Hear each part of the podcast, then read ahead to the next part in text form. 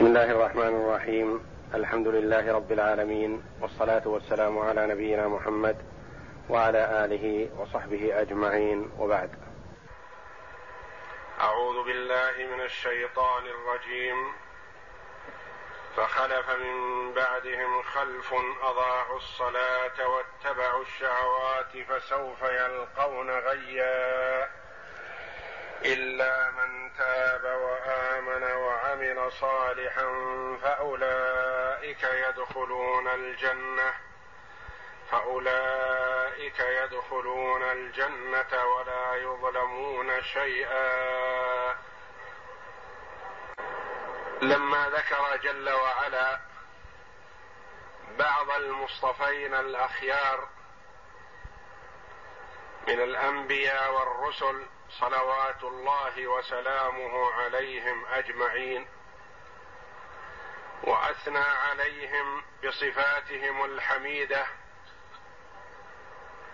ونوه جل وعلا بفضلهم وما أنعم الله عليهم به من التكريم. وذلك ليقتدي الصالحون من عباد الله بهؤلاء الأخيار. ذكر جل وعلا بعدهم فريقا من الأشرار الذين ضيعوا أمر الله وانتهكوا محارم الله ووقعوا في الإثم العظيم ليحذر الناس صفاتهم وليبتعدوا عن أخلاقهم. فقال جل وعلا فخلف من بعدهم يعني من بعد أولئك الأخيار وجد من بعدهم خلف أضاعوا الصلاة. خلف من بعدهم خلف.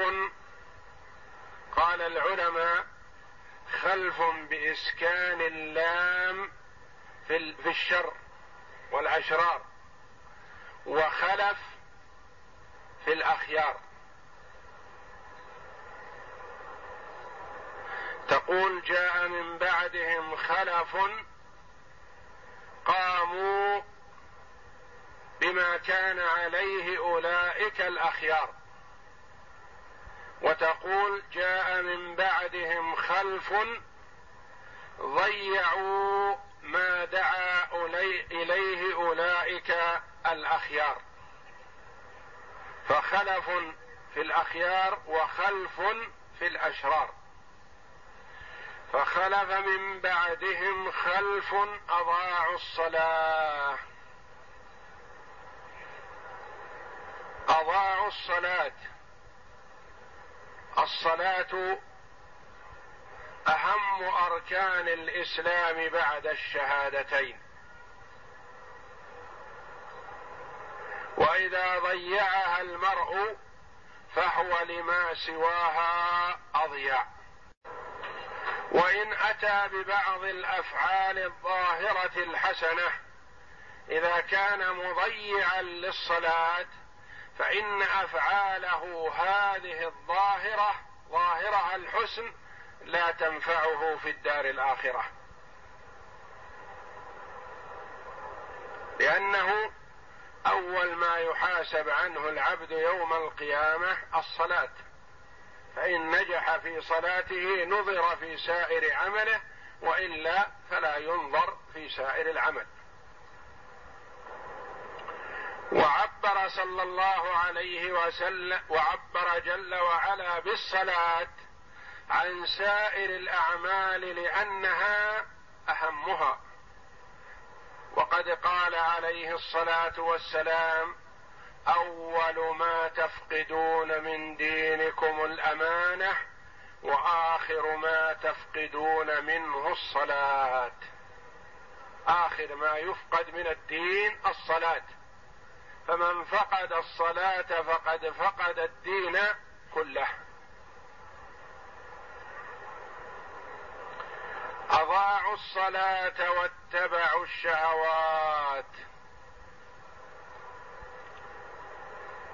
إذا ضيع المرء أوامر الله جل وعلا استلمه الشيطان فأوقعه في المهالك كلها.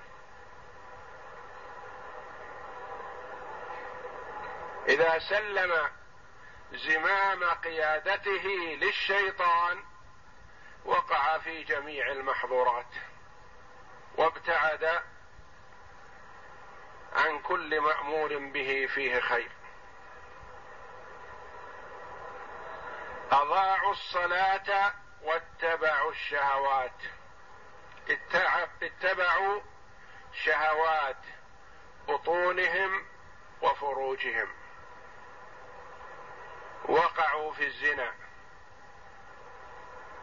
وقعوا في شرب الخمر. وقعوا في الربا. وقعوا في كبائر الذنوب. واتبعوا الشهوات. والشيطان اللعين يأتي إلى قلب ابن آدم فيشمه فينظر ميوله لما لأي شيء فيسوقه إليه سوقا. شخص يميل إلى جمع المال ويحرص على الثرى وكثرة الأموال. يسوقه إلى الحرام من ذا من تلك الجهة فيوقعه في الربا. يوقعه في الخيانة والغش في البيع والمعاملات.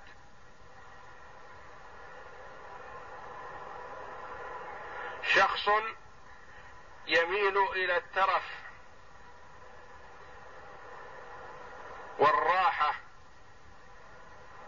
فيوقعه في ترك الفرائض والنوم والكسل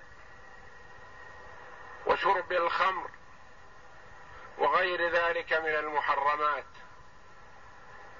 آخر يميل إلى النكاح والزنا يميل إلى إلى الفروج فيوقعه في الزنا ويبعده عما أحل الله له من النكاح الحلال.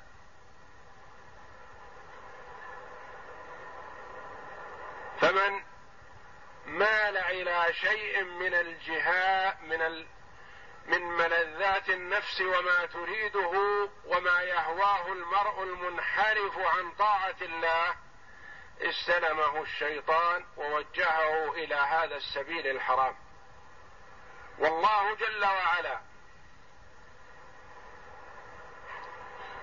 جعل في مقابلة كل حرام حرمه على العباد طريقا حلالا مشروعا تطمئن إليه النفس وترتاح له.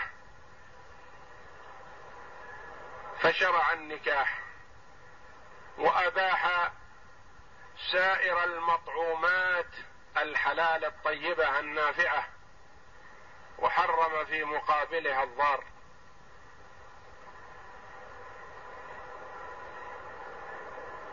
جعل في مقابلة كل حرام حلال سائغ.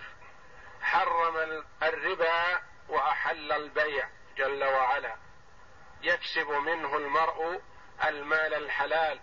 الذي يستعين به على طاعة الله إن أنفقه على نفسه أو أنفقه على عياله نشأوا في طاعة الله ومرضاته. غذاهم بالحلال فاستقاموا على الطاعة. فإن غذاهم بالحرام والعياذ بالله نشأوا على المعصية. واتبعوا الشهوات فسوف يلقون غيا. مآلهم ومصيرهم في الدار الآخرة غيا. قيل شرا. وقيل هو واد في جهنم. تستعيذ منه أوديتها لشدة حره. وقيل هو واد في قعر جهنم.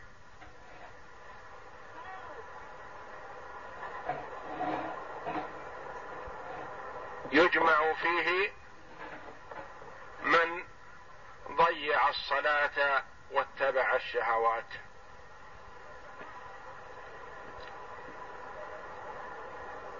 فخلف من بعدهم خلف أضاعوا الصلاة واتبعوا الشهوات. من هؤلاء؟ قيل هؤلاء هم من اليهود والنصارى. وقيل من هذه الأمة يأتون في آخر الزمان.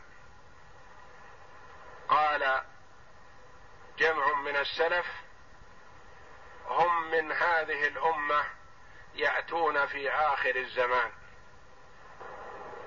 فمن ضيع الصلاة فقد توعد بهذا الوعيد الشديد. وما المراد بإضاعتها؟ قيل تركها بالكلية وذلك كفر. وقيل التهاون بها والتساهل وتضييع الأوقات وترك بعضها.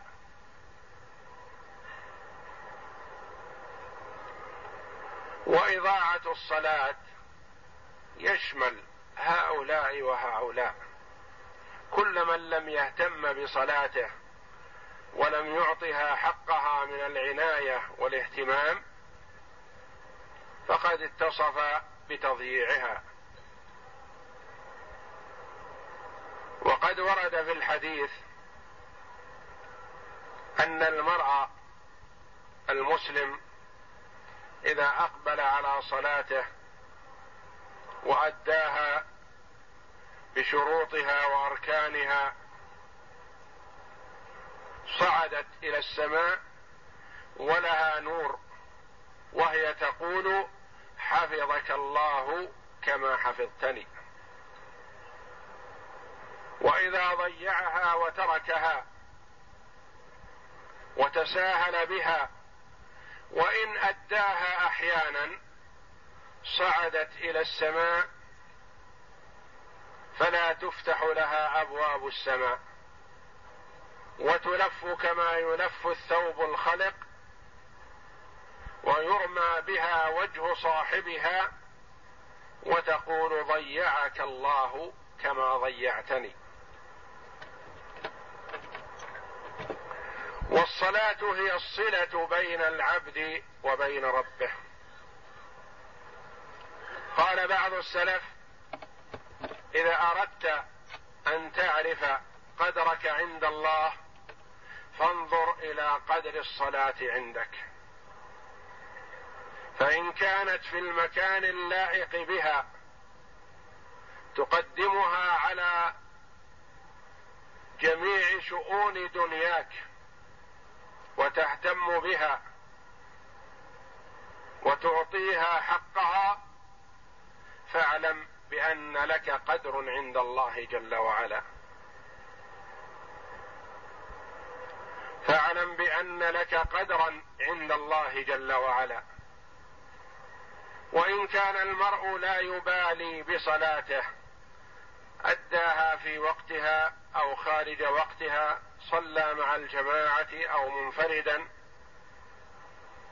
يبدأ براحة نفسه وما تحتاجه مقدما ذلك على الصلاة. ينام وقت الصلاة ويؤخر الصلاة عن وقتها. فليعلم أن قدره عند الله على قدر الصلاة عنده أي لا قدر له عند الله. وهي الصلة بين العبد وبين ربه. وقد ابتلي المسلمون في هذه الأزمنة بكثير ممن يدعي الإسلام وهو لا يصلي. والحقيقة أنه بعيد كل البعد عن الإسلام. وعلماء الأمة اتفقوا على أن من كان يدعي الإسلام وترك الصلاة أنه يوقف. ويلزم بالصلاة فإن التزم وإلا قتل. فإن كان جاحدا لوجوبها كفر بإجماع المسلمين. وإن كان معترفا بوجوبها لكن تركها تهاونا وكسلا كفر على الصحيح من قولي العلماء. والقول الآخر قالوا يقتل حدا لا كفرا. وقد اتفق الجميع على قتل تارك الصلاة.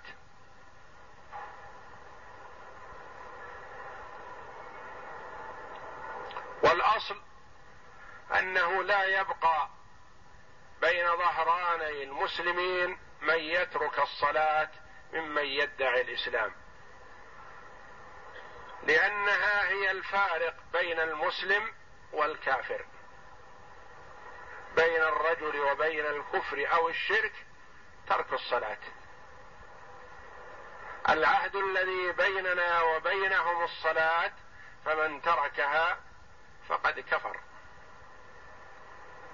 والله جل وعلا يقول فإن تابوا وأقاموا الصلاة وآتوا الزكاة فخلوا سبيلهم. فإن تابوا وأقاموا الصلاة وآتوا الزكاة فإخوانكم في الدين. معناه أن من لم يصلي فلا يخلى سبيله بل يقاتل. ومن لم يصلي فليس بأخ لنا في الدين. والله جل وعلا توعد المتهاون والمضيع للصلاة بهذا الوعيد الشديد بقوله فسوف يلقون غيا.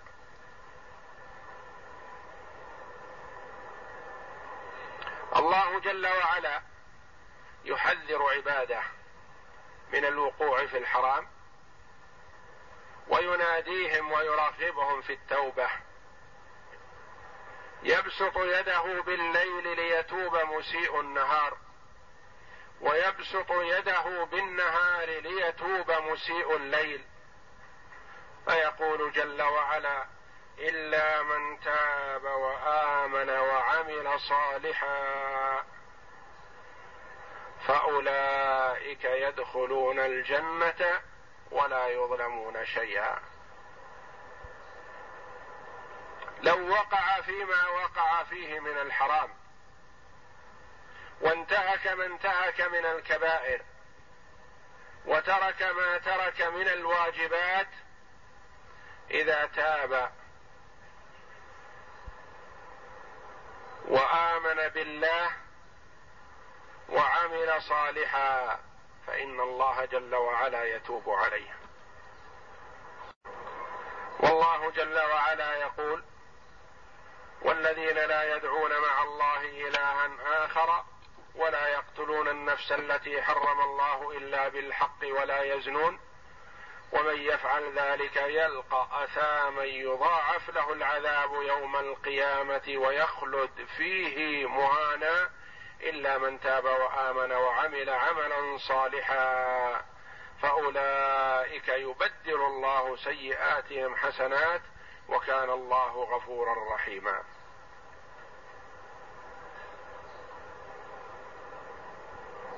والله جل وعلا يقول قل يا عبادي الذين أسرفوا على أنفسهم لا تقنطوا من رحمة الله إن الله يغفر الذنوب جميعا إنه هو الغفور الرحيم. وأنيبوا إلى ربكم وأسلموا له من قبل أن يأتيكم العذاب ثم لا تنصرون. واتبعوا أحسن ما أنزل إليكم من ربكم من قبل أن يأتيكم العذاب بغتة وأنتم لا تشعرون.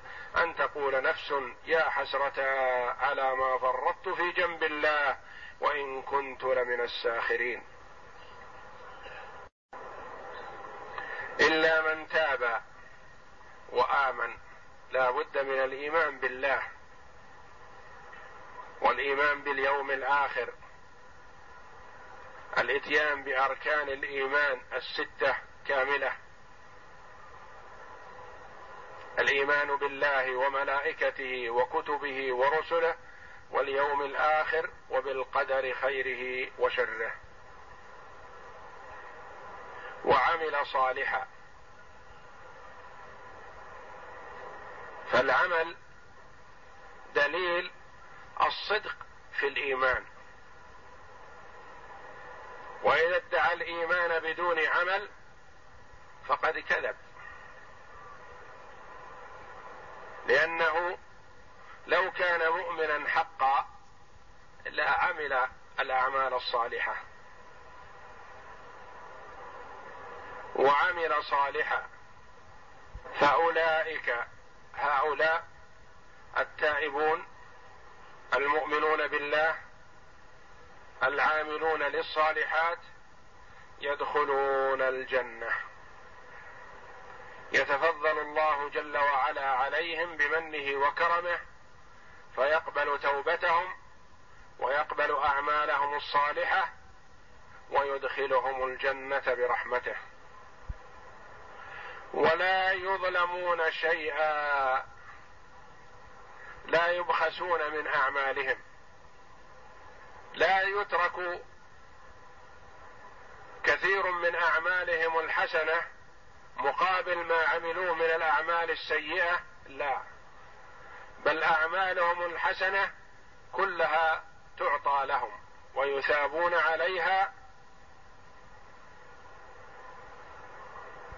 ولا يظلمون منها شيئا وأعمالهم السيئة تمحى ويتجاوز عنها بل وتبدل حسنات. كما قال الله جل وعلا إلا من تاب وآمن وعمل عملا صالحا فأولئك يبدل الله سيئاتهم حسنات. وكان الله غفورا رحيما. ومن تاب وعمل صالحا فإنه يتوب إلى الله متابا. فأولئك يدخلون الجنة ولا يظلمون شيئا لا يظلمون ولا شيئا يسيرا. بل توفى لهم أعمالهم. الحسنة بعشر أمثالها إلى سبعمائة ضعف إلى أضعاف كثيرة. يقول الله جل وعلا جنات عدن جنات عدن التي وعد الرحمن عباده بالغيب إنه كان وعده مأتيا. لا يسمعون فيها لغوا إلا سلاما ولهم رزقهم ولهم رزقهم فيها بكرة وعشيا. تلك الجنة التي نورث من عبادنا من كان تقيا. بعد قوله جل وعلا فأولئك يدخلون الجنة ولا يظلمون شيئا. قال جنات عدن التي وعد الرحمن عباده. جنات عدن جنات بدلا من الجنة. السابق ذكرها. بدل كل من كل أو بدل كل من بعض أو بدل بعض من كل. عدن بمعنى إقامة. جنات عدن عدن بمعنى إقامة. جنات يقيمون فيها دائما وابدا. ليست كبساتين وجنات الدنيا إما أن يذهب صاحبها وإما أن تفنى هي في حياة صاحبها.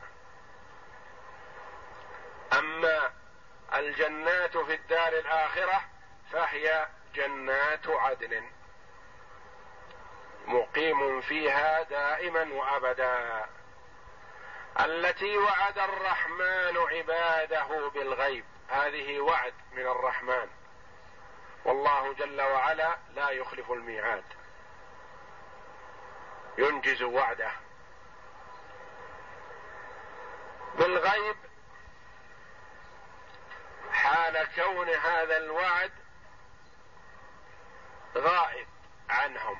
صدقوا بهذا الوعد وعملوا له وهم لم يروا الجنة وإنما أخبروا عنها فاجتهدوا في الأعمال الصالحة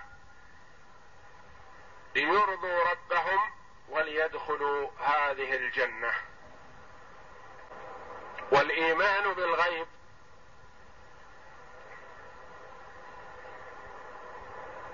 من صفات المؤمنين الأتقياء يؤمنون بما لم يشاهدوه من أجل أن الله جل وعلا أخبر بذلك أو أخبر به رسوله صلى الله عليه وسلم فصدقوا بخبر الله جل وعلا وخبر رسوله صلى الله عليه وسلم. جنات عدن التي وعد الرحمن عباده بالغيب. عباده الذين أطاعوه وامتثلوا أمره وحدوه جل وعلا أفردوه بالعبادة. فهؤلاء هم عباد الرحمن. وإلا فالكل فكل الخلق عبيد الله جل وعلا شاءوا أم أبوا امتثلوا أم لم يمتثلوا. كلهم عبيد الله جل وعلا. لكن من امتثل أمر الله جل وعلا ووحده وأطاعه رضي الله عنه ووعده الوعد الجزيل في الدار الآخرة. ومن أعرض عن طاعة الله جل وعلا في الدنيا توعده الله وأدخله في الدار الآخرة نارا وقودها الناس والحجارة. إنه كان وعده مأتيا. وعد الله جل وعلا آت لا محالة لأن الله جل وعلا لا يخلف الوعد والميعاد. إنه أي وعد الله جل وعلا الذي وعد الرحمن عباده إنه كان وعده أي الله ماتيا بمعنى آتيا. استعمال اسم المفعول بمعنى اسم الفاعل. أو مأتيا بمعنى موصول إليه. ذاهب الناس إليه فهو مأتي. إنه كان وعده مأتيا. لا يسمعون فيها أي الجنات لغوا الكلام الذي لا قيمة له ولا فائدة فيه. لا يسمعون فيها لغوا إلا سلاما إلا ما فيه السلامة ما فيه الخير ما فيه البشارة. تسليم الملائكة عليهم تسليم بعضهم على بعض وأعلى من ذلك كله تسليم الله جل وعلا عليهم. لا يسمعون فيها لغوا إلا سلاما إلا أداة استثناء والاستثناء هذا منقطع بمعنى لكن لا يسمعون فيها لغوا لكن يسمعون سلاما. ولهم رزقهم فيها أي في الجنات بكرة وعشيا. في البكور والعشي.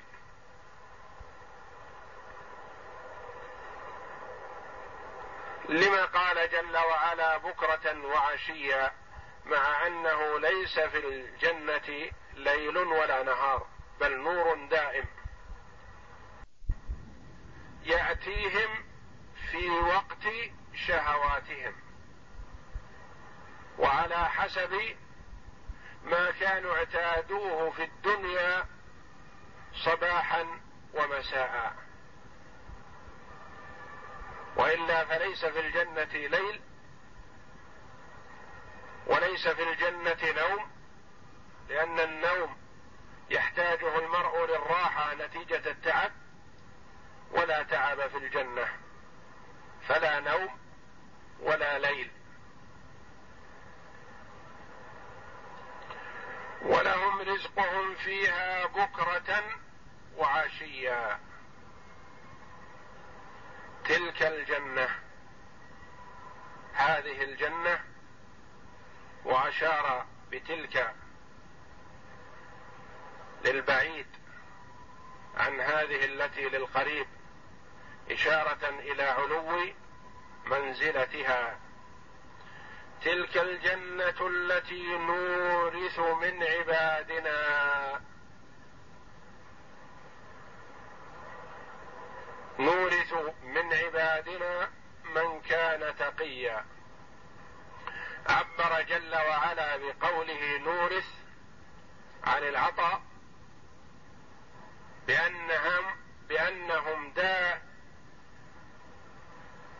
هي لهم دائما وأبدا. يأخذونها كما يأخذ المرء الميراث الذي يتملكه لا يؤخذ منه. نورث من عبادنا من كان تقيا. وقيل في قوله تعالى نورث في أن المؤمنين في الدار الآخرة يرثون منازل الكفار في الجنة لأنه ما من عبد إلا له منزلة في الجنة ومنزل في النار. فإن أطاع الله جل وعلا أخذ منزله في الجنة وأعطي منزله في النار لغيره من الكفار. وإن عصى الله جل وعلا واستحق النار أخذ منزله في النار وأعطي منزله في الجنة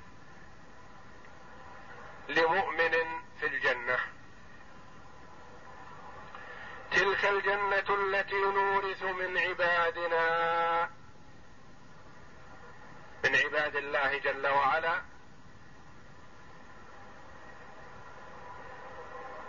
من كان تقيا.